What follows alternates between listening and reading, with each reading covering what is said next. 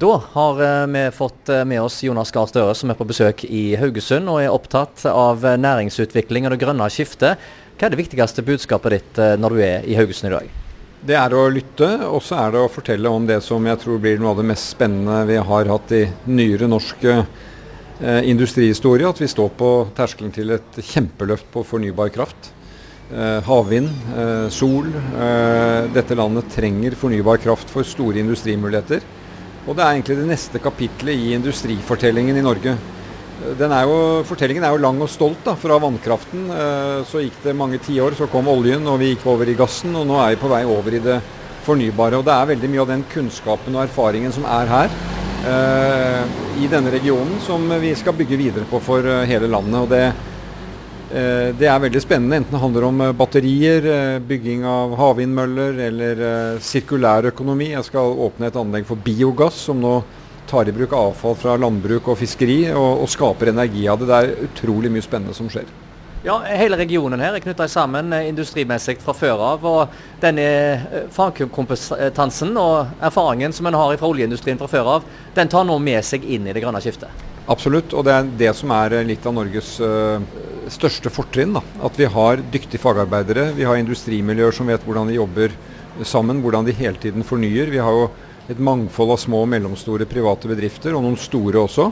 Uh, og i, det er der nyskapingen skjer. da, og, dette begrepet du har hørt om at vi bygger på skuldrene av hva som var før. Det, det, er bare et bilde for noen, men det er virkelig det som skjer nå. Det er jo de som bygger til store plattformene for olje og gass, og nå bygger de krevende understellene for flytende havvindmøller.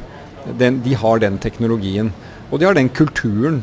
Og så skal det jo skapes nå Vår øh, plan er at vi skal skape like mye havvindkraft som vi i dag nesten produserer kraft i hele Norge fra vannkraften vår.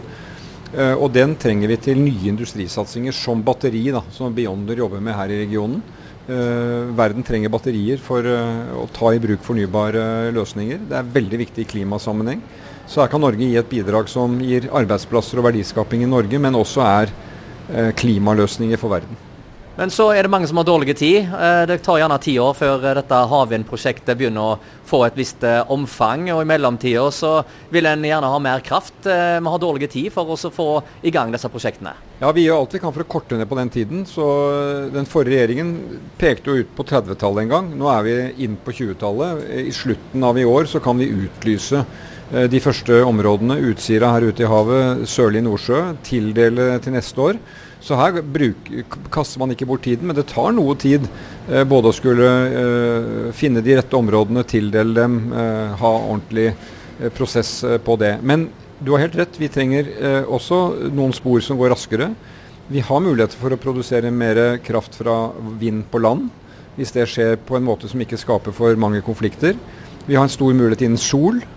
Eh, og vi har også en stor mulighet innenfor energiøkonomisering, altså i bygg og annet, at vi bruker kraft på bedre måter. Der kan vi også uh, spare energi på ett sted for å bruke det på et annet sted. Så jeg tror hele, Sånn har det vært med Norge under hele vår historie, at uh, energi er nøkkelen til å forklare hvorfor vi får til mye av det vi gjør. Og det kommer til å bli veldig veldig spennende det vi nå går inn i. Og bare legge til en ting. Krigen i Ukraina, alt som skjer der, gjør jo at dette med å få fornybar kraft, tilgang på det, det er tema nå i alle land. Så det er blitt en veldig trykk i den, i den saken. I Tyskland, Frankrike, eh, England, eh, Danmark, Sverige. Rundt hele Nordsjøen så utvikler dette seg, og her må Norge være med. Norsk gass er òg en del av eh, løsningen i Europa, sies det.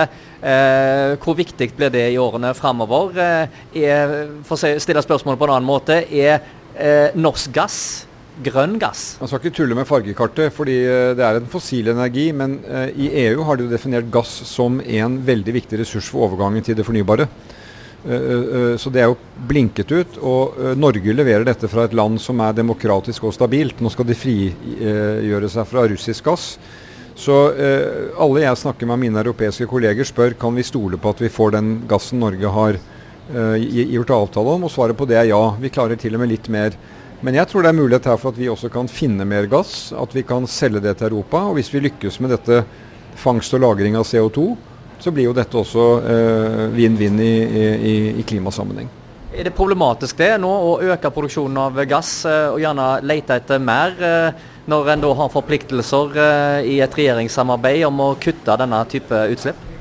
Vi skal kutte utslipp fra olje- og gassproduksjonen med 50% innen 2030. Og det må industrien gjøre. Vi får en økt CO2-avgift de må forholde seg til.